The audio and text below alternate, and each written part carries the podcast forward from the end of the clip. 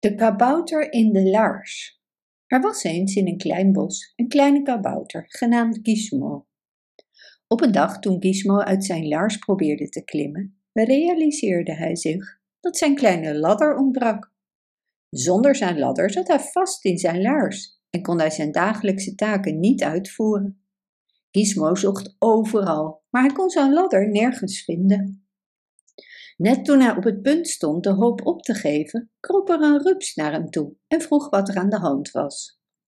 Gizmo legde uit dat zijn ladder ontbrak en dat hij vast zat in zijn laars.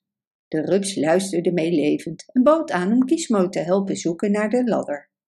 Klim maar op mijn rug, dan haal ik je uit je laars, zei de rups.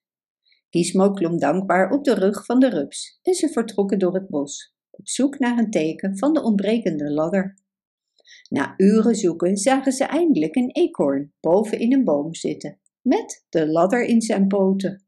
Hé, hey, dat is mijn ladder die je daar hebt, riep Gizmo. De eekhoorn keek neer op Gizmo en babbelde.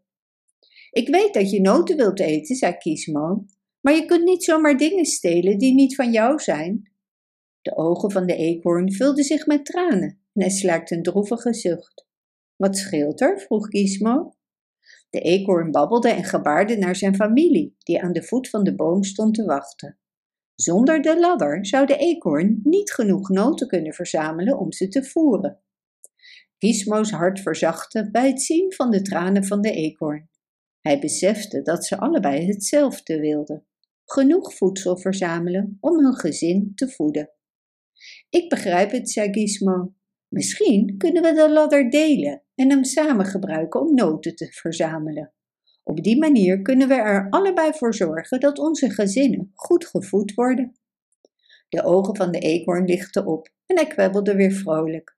De drie gingen samen het bos in, noten verzamelen en de ladder gebruiken om in de bomen te klimmen.